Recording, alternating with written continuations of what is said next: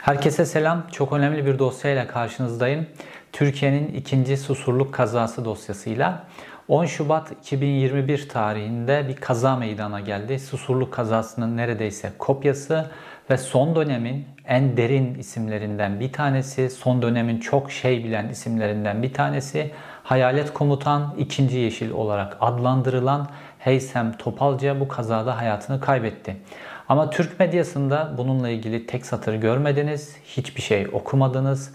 Günler geçti aradan ta ki ben bu videoyu ve bu haberi yapana kadar Heysem Topalca'nın böylesine şüpheli bir kazada hayatını kaybettiğine ilişkin Türk medyasına tek satır haber düşmedi. Oysa bu kazayla ilgili Doğan Haber Ajansı normal bir kaza haberi yapıp içinde Heysem Topalca'nın da hayatını kaybettiğini geçirmesine rağmen fakat haberde Suriye uyruklu Heysem Topalcı hayatını kaybetti şeklinde geçti. Türk medyasından hiç kimse bunun üzerine yoğunlaşmadı. Ta ki izlediğiniz bu video ve benim yayınladığım habere kadar. Heysem Topalca kim?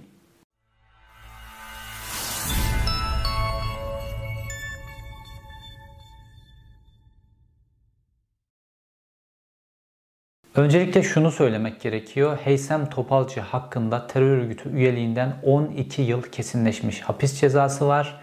2 tane yakalama kararı var.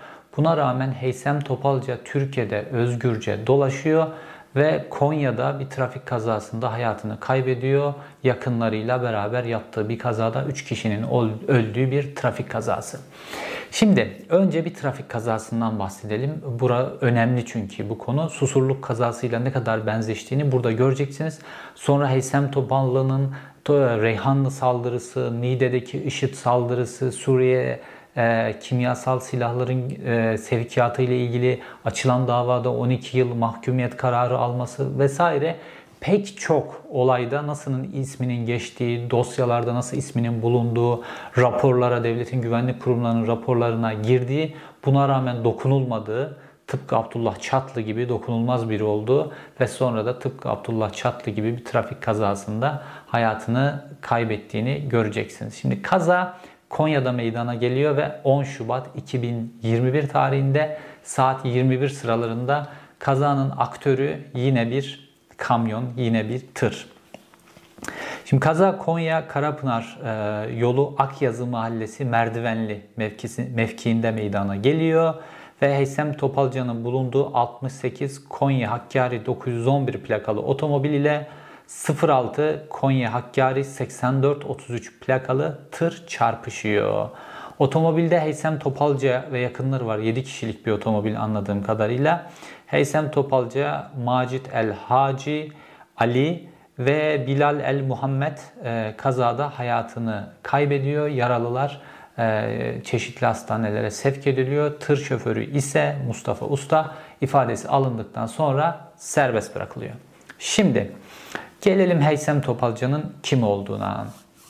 Şimdi Heysem Topalca hayalet komutan olarak anılıyor. Neden? Çünkü Türkiye ile Suriye arasında gidiyor geliyor.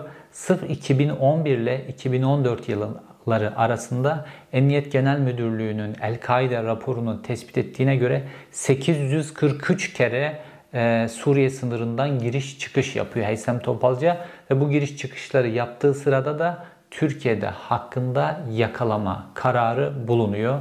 Bu derece korunduğu, kimsenin dokunmadığı, kimsenin görmediği için ismine hayalet komutan deniyor.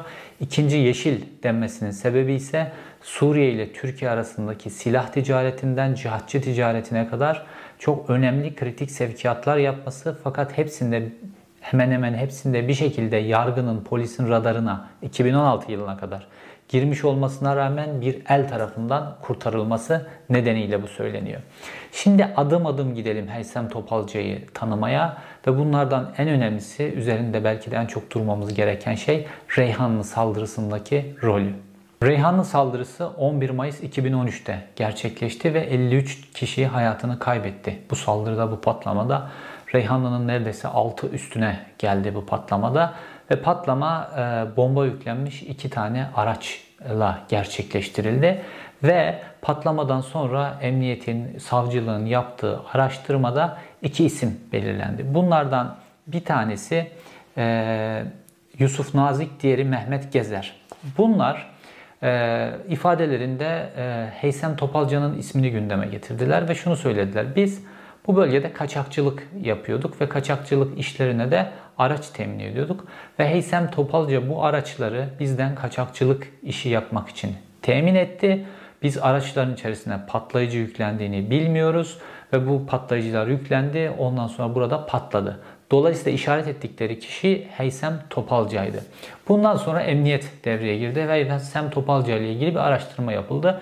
İşte meşhur bu El-Kaide raporu o zaman çıktı ve emniyet Heysem Topalca'nın 2011 yılından ki 2010 yılında Suriye İç Savaşı başlıyor. 2011 yılıyla 2014 yılı arasında e, Suriye ile Türkiye arasında 873 kere giriş çıkış yaptığı, farklı olaylardan hakkında arama kararı bulunduğunu belirledi ve Heysem Topalca'nın El-Kaide ile, El-Nusra ile, Tahrir Şam'la bağlantıları olduğunu belirledi emniyet ve Heysem Topalca'nın ismi bu Reyhanlı saldırısıyla birlikte esas olarak Türkiye'nin gündemine girdi. Bunun öncesinde Heysem Topalca yine kriminal bir tip. Türkiye ile Suriye arasında kaçakçılık yapan vesaire bir tip. Fakat e, Suriye Savaşı'nın başlamasıyla birlikte bunu daha bir üst boyuta taşıyor Heysem Topalca ki hakkında bir jandarma raporu var. Ona daha sonra geleceğim. Ve iki ismin Heysem Topalca'yı işaret etmesinden sonra ee, bütün devlet birimleri daha doğrusu devletin jandarması, polisi Heysem Topalcı ve savcılığı Heysem Topalcı'nın üzerine yoğunlaşıyor. Sonra meşhur Heysem Topalcı'nın 12 yıl ceza aldığı sarin gazı olayı patlak verdi. Şimdi Heysem Topalcı ile ilgili sarin gazı dosyasına dönelim. Reyhanlı patlaması 11 Mayıs 2013'te meydana gelmişti. Bundan çok kısa süre sonra 28 Mayıs 2013'te e, emniyet ve jandarma bir istihbarat elde ettiler. Daha çok emniyetin elde ettiği bir istihbarattı ve iki terör örgütüne, iki örgüte kimyasal e, madde, kimyasal silahta kullanıl silahlarda kullanılmak üzere madde temin edildiğine ilişkin bir e, istihbarattı bu. Bu iki örgüt e, Ahrar-ı Şam ve El Nusra cephesiydi ve kimyasal bomba yapımında kullanılacak bazı maddeler temin edileceğine ilişkin istihbarattı. Ve polis Adana ve Mersin'de bazı adreslere eş zamanlı operasyon düzenlendi. 4 tane Türkiye Cumhuriyeti vatandaşı, bir tane de Suriye uyruklu kişi gözaltına alındı. Gözaltına alınan Suriye uyruklu kişi işte Heysem Topalca'ydı yine. Ve e, bunlar hemen gözaltına alındıktan sonra savcılık sorguları başladı. Ve o sırada meşhur Adana valisi Hüseyin Avni Coş devreye girdi. Ve Hüseyin Avni Coş yakalanan maddelerin sarin gazı olmadığını söyledi. Çünkü medyaya 2 kilogram sarin gazı yakalandığına ilişkin haber düştü hemen. Fakat Hüseyin Avni Coş bu sarin gazı değildir. Antifriz e, yapımında kullanılan bir madde. Antifriz daha doğrusu diye açıklama yaptı ve savcılıktan bu 5 kişi önce Türkiye Cumhuriyeti vatandaşı ardından da Hesem Topalca serbest bırakıldı. Bunlar serbest bırakıldıktan sonra bu maddeyle ilgili rapor 17 Temmuz'da geldi 2013'te. Rapor gelince bu maddenin kimyasal silah yapımında kullanılmak üzere temin edilen bir kimyasal olduğu tespit edildi. Bu raporun savcılığa ulaşmasından sonra savcılık Heysem Topalcı hakkında tekrar yakalama kararı çıkarttı. Fakat Heysem Topalcı çoktan buhar olmuştu. Bu sarin gazı iddianamesinde çok önemli tespitler var. Bu tespitlerden bir tanesi şu. Heysem Topalca ve ekibinin makine kimya endüstrisinden kimyasal silah yapılmak üzere bazı maddeler temin etmeye çalıştığı, ödemeleri Suudi Arabistan üzerindeki bir firmadan yaptıkları ve sadece makine kimya endüstrisinden bu kimyasal maddeleri temin etmeye çalışmakla kalmayıp aynı zamanda da havan topu yapımı için krom boru siparişi verdikleri tespiti de yer alıyordu. İddianame ilerledi ve Heysem Topalcı hakkında 12 yıl hapis cezasına hükmedildi bu sarin gazı iddianamesinde. Fakat kimyasal madde temininin teşebbüs e, aşamasında daha doğrusu kimyasal silah yapımı ile ilgili sevkiyatın teşebbüs aşamasında kaldığı e, nedeniyle bu e, ayrıldı. Heysem Topalca terör örgütü üyeliğinden 12 yıl hapis cezası aldı. Fakat Heysem Topalca'yı kimse yakalamadı. Heysem Topalca'ya kimse dokunmadı. Fakat sarin gazı iddianamesinde savcılığın yaptığı krom boru atıfı bir sonraki olayda karşımıza çıktı. Geliyoruz yine 2013'ün 7 Kasım'ına.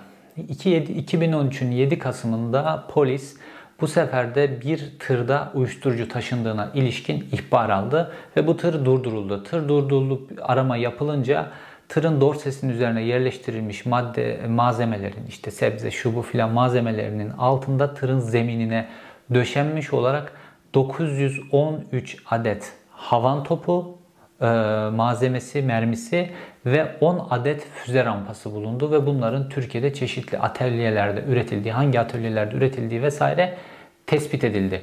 Tır şoförünü e, sorguya aldı polis hemen ve tır şoförü bu malzemelerin Heysem Topalca'ya teslim edilmek üzere onun malları olduğu ve buna götürmek e, üzere yola çıktığını söyledi ve Heysem Topalcı e, ile nerede bulaşacağı bilgisini verince Heysem Topalcı orada gözaltına alındı. Fakat yine o bildiğimiz gizli el devreye girdi ve Heysem Topalca sorgusunun ardından serbest bırakıldı. Sarin gazıyla ilgili yakalama kararı bulunuyor olmasına rağmen. Şimdi geliyoruz daha kritik bir konuya Niğde saldırısı olayına.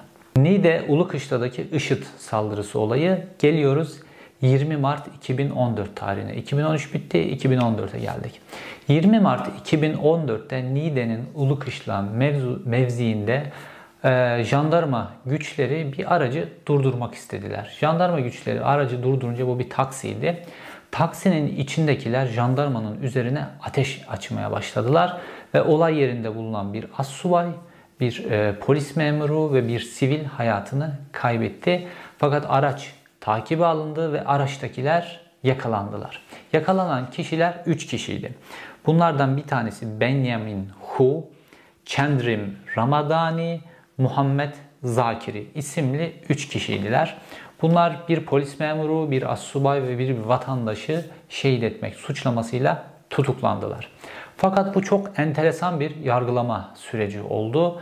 Bunlar tutuklu oldukları, mahkemede oldukları, e, hapishanede oldukları halde yargılama sürecinde bir kere bile mahkemeye getirilmediler. Hep e, Segbis sisteminden kamera yoluyla cezaevinden bağlandılar. Fakat cezaevi bağlantısı normalde Segbis sisteminde bağlantılar genelde cam gibidir. Hep buğulu, sesleri anlaşılmaz, görüntüleri anlaşılmaz şekildelerdi. Ve avukatlar, hayatını kaybeden kişilerin avukatları Defalarca bunların o üç IŞİD'li olmadığı, bunların yoksa serbest mi bırakıldığı, bir pazarlıkla takas mı yapıldığı, e, Suriye'ye mi geri gönderildikleri, bir şeyler bildikleri için mi geri gönderildikleri, MIT'le vesaire bir ilişkileri oldukları mı filan gibi sorularla sürekli bunları mahkemeye getirilmesi, mahkemede yüz yüze çapraz sorguya çıkarmalı, e, sokmaları, sokmayı istediler. Fakat avukatların bu talepleri hiçbir zaman yargılama sürecinde yerine getirilmedi. Sonra bu kişiler mahkum edildiler, ağır cezalar verildiler. Fakat avukatlar bunları görmedi. Şu an bunların Türkiye cezaevlerinde olduğuna ilişkin hiçbir delil yok. Fakat yargılama sürecinde polis ve savcılık yine araştırmalar yaptı. Yine yol aynı e, kişiye bizi çıkardı. İddianameye göre Heysem Topalca bu üç kişiyi Suriye'de bulundukları IŞİD kampından alarak Yayla Dağı üzerinden Türkiye'ye soktu. Bunları taksi şoförüyle irtibata geçirdi. İstanbul'a e, gelmek ve İstanbul'da silahlı ve bombalı bir eylem yapmak üzere bu üç tane IŞİD'liyle anlaştı ve İstanbul'daki bağlantılarını da ayarladı ve bu üç, üç IŞİD'li yolda gelirken bir e, trafik kontrolü, bir arama nedeniyle durdurulmaya çalışırken bu olay meydana geldi. Ve dolayısıyla savcılık Heysem Topalcı hakkında yakalama kararı çıkarttı. Bir polis memuru, bir assubay ve bir vatandaşın öldürülmesi ve IŞİD'lilerin e, İstanbul'da bir e, bombalı eylem yapmaya sevk edilmesiyle ilgili. Fakat bu üç kişi yargılananlar mahkemede çeşitli kereler MIT bağlantılarını söyleyebilecekleri iddiasıyla e, mahkemeye hiçbir zaman çıkartılmadılar ve Heysem Topalca'nın başı da bu e, vahim Nide Ulukışla hadisesine rağmen hiçbir zaman derde girmedi. Heysem Topalca hiçbir zaman bu konuyla ilgili yakalanmadı ve sorgulanmadı. Şimdi geliyoruz başka bir olaya. Gazeteci Bünyamin Aygün'ün kaçırılması hadisesi. Şimdi bu 2013-2014'e bağlayan günlerde meydana geliyor. Milliyet gazetesinin muhabiri Bünyamin Aydın işte ismi Reyhanlı'da orada burada falan geçen Heysem Topalcı ile bir röportaj ayarlıyor. Ve Heysem Topalcı ile görüşmek üzere Suriye'ye gidiyor ve Heysem Topalcı ile buluşuyor.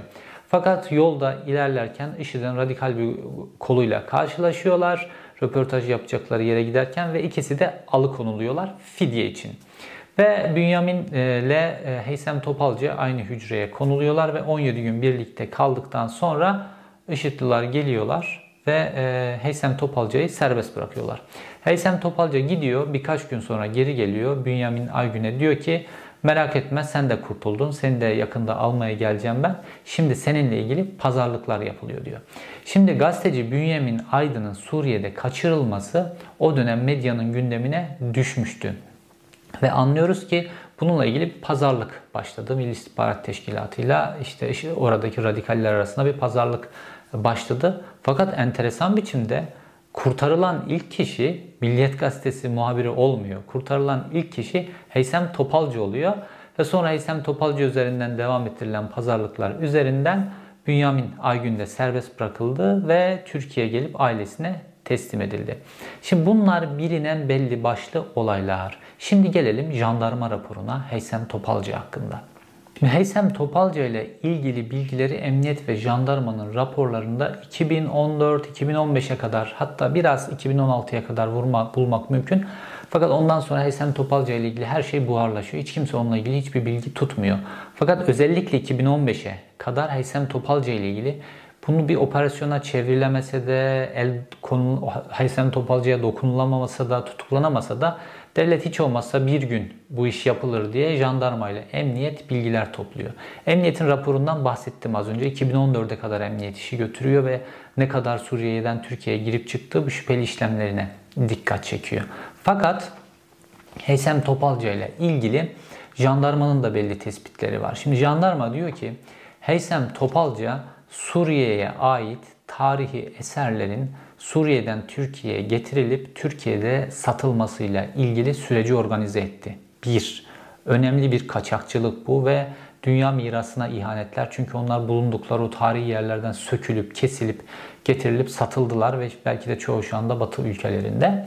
İkincisi, Heysem Topalca'nın e, Halep sanayisindeki fabrikalarda bulunan makineleri oradan çalarak bir grupla birlikte Türkiye'ye getirdiği ve Türkiye'de sattığıyla ilişkin bilgiler. Fakat Heysem Topalcı enteresan biçimde bunları yaparken bu e, sınırları böyle istediği gibi kullanıyor. Şimdi devlet e, MİT işte devletin bir kesimi diyebilirsiniz. Bu tip insanları kullanırken bunlara doğrudan para vermez. Bunları kendi işte o silah kaçakçılığı vesaire bu tip işlerde bu Reyhanlı Meyhanlı filan bu tip karanlık işlerde kullanırlar. Fakat bunların para kazanmak için yaptıkları şeylere göz yumarlar. İşte bu tarih eser tarih eserleri getiriyor, sokuyor. Hiç kimse onun araçlarını aramıyor. İşte Suriye'den makineleri söküyor, getiriyor, burada satıyor. Kimse onun araçlarını aramıyor. Kendi hesabına silah sevkiyatı, silahlar satıyor vesaire.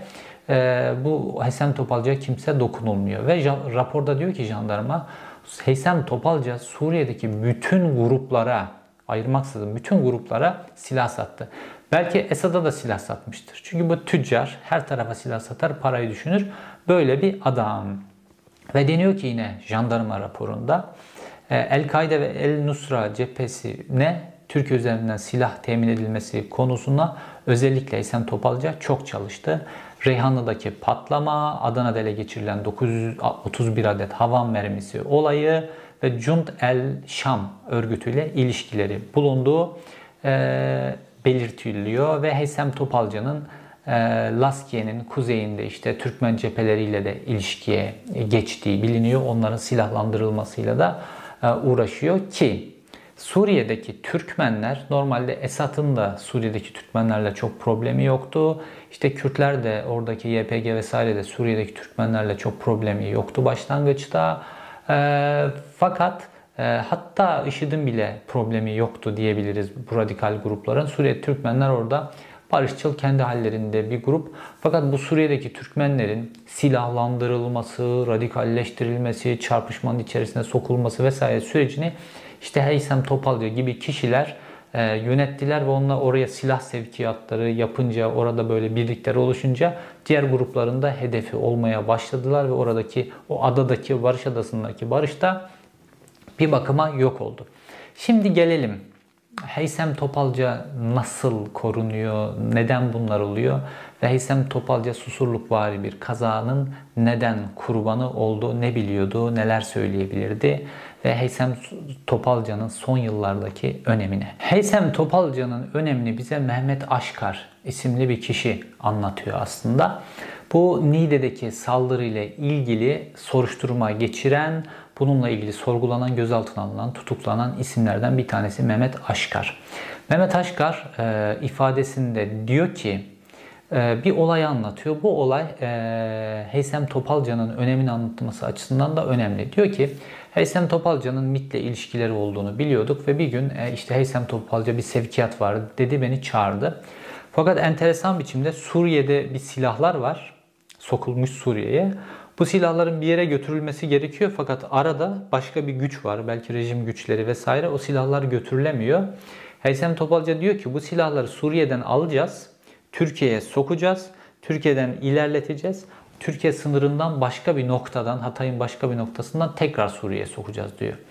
Mehmet Aşkar diyor ki bu nasıl olacak diyor. Yani çok tehlikeli bir şey. Polis, jandarma, asker bizi durdurur filan. Heysem Topal'da hiçbir şey yok diyor. Ben onların hepsini ayarladım diyor. Tabi o da Mehmet Aşkar da Heysem Topalcan'ın bu bağlantılarını bildiği için bir şey söylemiyor. Araçlar ayarlanıyor. Silahlar Suriye'den getiriliyor. Türkiye'ye sokuluyor. Türkiye'den başka bir noktaya götürülüp tekrar Suriye'ye sokulacağken asker araçları durduruyor bir ıssız bir noktada. Asker alıyor araçlarla bunları hepsini birlikte karakola götürüyor. Haysem Topalca işte bunların hepsinin izni var vesaire diyor ve birkaç telefon etmek istediğini söylüyor. Haysem Topalca birkaç yere telefonu açıyor ve jandarmaya telefonlar geliyor ve jandarma Heysem Topalca ve Mehmet Aşkar'ı ve silah yüklü araçları aramadan hepsini serbest bırakıyor ve araçları Mehmet Aşkar'ın ifadesine göre götürdük. Türkiye sınırından tekrar Suriye'ye soktuk ve e, teslim edeceğimiz yere teslim ettik. Herkes parasını aldı diyor. Şimdi burada Mehmet Aşkar Heysem Topalca'nın Türkiye içerisinde nasıl rahat hareket edebildiğini bize çok güzel anlatıyor. Bu Heysem Topalca'nın bütün de hikayesi. Nasıl Abdullah Çatlı o kadar hakkındaki yakalama kararları, kırmızı bültenler ona buna rağmen Türkiye içinde başka bir kimlikle rahatça yaşadı, yaşadı, yaşadı ta ki susurluk kazasına kadar. Heysem Topalca da tıpkı Abdullah Çatlı gibi Sarin Gazı davasından aldığı 12 yıl hapis cezasına rağmen, Reyhanlı'da isminin geçmesine rağmen, iki tane yakalama kararına rağmen polis tarafından dokunulmaz, savcı dokunmaz, jandarma dokunmaz. Türkiye'nin içerisinde rahat rahat yaşıyor ve Konya'da bir trafik kazasında hayatını kaybediyor. Ve bu süreç içerisinde sürekli korunmaya devam ediyor. Mesela bir evrakta sahtecilik davası. Basit bir dava Heysel Topalca gibi birinin çapında. Fakat babasıyla birlikte yargılanıyor. Heysel Topalca'nın ailesi bu Suriye'deki karşılıklar sonrası Hatay Yayla Dağı'na gelip oraya yerleşiyorlar. Ve ee, babası işte Suriye'den getirilip Türkiye'ye sokulan Volkswagen marka bir araç var. Evraktaki şahsen numarası ruhsattaki farklı, aracın üzerindeki farklı. Bir işte yol kontrolünde bu tespit ediliyor ve bunlar hakkında evrakta sahtecilikten dava açılıyor. Ve e, evraktaki şasi numarasıyla araçtaki şasi numarası, motordaki şasi numarası farklı olmasına rağmen Heysem Topalca ve babası beraat ediyorlar. Yani Heysem Topalca'ya işte hayalet komutan deniyor ya onu koruyan el böyle küçük işlerini de aynı zamanda hallediyor. Böyle dokunulmaz bir adam haline getiriyorlar. Heysem Topalca gibi bir tane daha adam var. Nuri Gökhan Bozkır. Bu şu an Ukrayna'da e, eski özel kuvvetler mensubu özel kuvvetlerden atılma birisi. E, yüzbaşı rütbesinde ve şu an Ukrayna'da. Bunun öncesinde bir güvenlik şirketi kuruyor ve bu güvenlik şirketi üzerinden işte Orta Asya'dan, Libya'dan, oradan buradan bu karışık ülkelerin hepsinden Türkiye savunma malzemeleri, yardım malzemeleri ithal ettiği söyleniyor. Böyle bir şirket olduğu söyleniyor. Fakat e, Heysem Topalca'nın böyle hiçbir yerde görünmez hale getirildiği, E, 2015 yılında e, Nuri Gökhan Bozkır da aniden ortadan kayboluyor ve sonra Ukrayna'da ortaya çıktı. Ve e, Türkiye ani biçimde Nuri Gökhan Bozkır'ı Ukrayna'dan e, istemeye başladı Türkiye. E, fakat o sırada e, Bozkır Ukrayna'ya iltica başvurusunda bulundu ve hayatının Türkiye'ye giderse tehlikede olduğunu söyledi. Ve mahkemeye çıkartıldı bununla ilgili ve mahkemede bazı şeyler anlattı. Ne dedi? 40'tan fazla kere Suriye'ye silah sevkiyatı yaptım. Ee, bunlarla ilgili çok önemli bilgiler veriyor, biliyorum. Buradaki silahların hangi gruplara teslim edildiğini biliyorum. Dolayısıyla ben Türkiye'ye gönderilirsem Türkiye'de başıma kötü şeyler gelir. Mesela benim e, tanıdığım bir subay cezaevinde kalp krizi geçirdi, öldü. Böyle kritik, derin, gizli bilgiler bilen insanlar, tehlikeli bilgiler bilen insanlar Türkiye'de çeşitli şekillerde ortadan kaldırılıyor dedi ve bununla ilgili can güvenliğinin olmadığı ile ilgili mahkemede anlatım yaptı ve halen Türkiye'nin iade talebine rağmen Ukrayna'dan Türkiye'ye teslim edilmiş değil. Şimdi Nuri Gökhan Bozkır e, zeki bir adam çünkü özel kuvvetlerde çalışmış, özel kuvvetler bu tip böyle devletin diğer yüzünün neler yapabileceğine ilişkin tecrübeleri var. Dolayısıyla Nuri Gökhan Bozkır uyanık davranıp soluğu Ukrayna'da alıyor. Fakat Heysem Topalca onun kadar uyanık değildi ve Türkiye'de kalmaya devam etti. Hiçbir kimse de ona dokunmuyordu. Fakat yeterince bildiği şeyler vardı ve rejimde bir çatırdama meydana geldiğinde ilk kullanılacak kişilerden bir tanesiydi. Dolayısıyla Heysem Topalca, Alaaddin, e, Abdullah Çatlı gibi enteresan bir şekilde bir tırın biçtiği aracın içinde sırlarıyla birlikte hayata göz yumdu. Ve bu haber, kazanın haberi normal bir haber olarak Doğan Haber Ajansı'nda geçmesine ve İsem Topalcan'ın isminin de içinde bulunmasına rağmen ve şu anlattığım her şeyle ilgili, bütün bu davalar, iddianamelerle ilgili Türk medyasında hemen herkesin her şeyi bilmesine rağmen Heysem Topalcan'ın bu susurluk vari kazada kurbana, kurban gitmesi haber yapılmadı. Gerçekleri anlatmaya devam edeceğiz. Heysem Topalcı hadisesinde, Nuri Gökhan Bozkır hadisesinde başka hadiseleri de araştırmaya ve dilim döndüğünce size anlatmaya devam edeceğim. İzlediğiniz için teşekkür ederim. Bir sonraki videoda görüşmek üzere.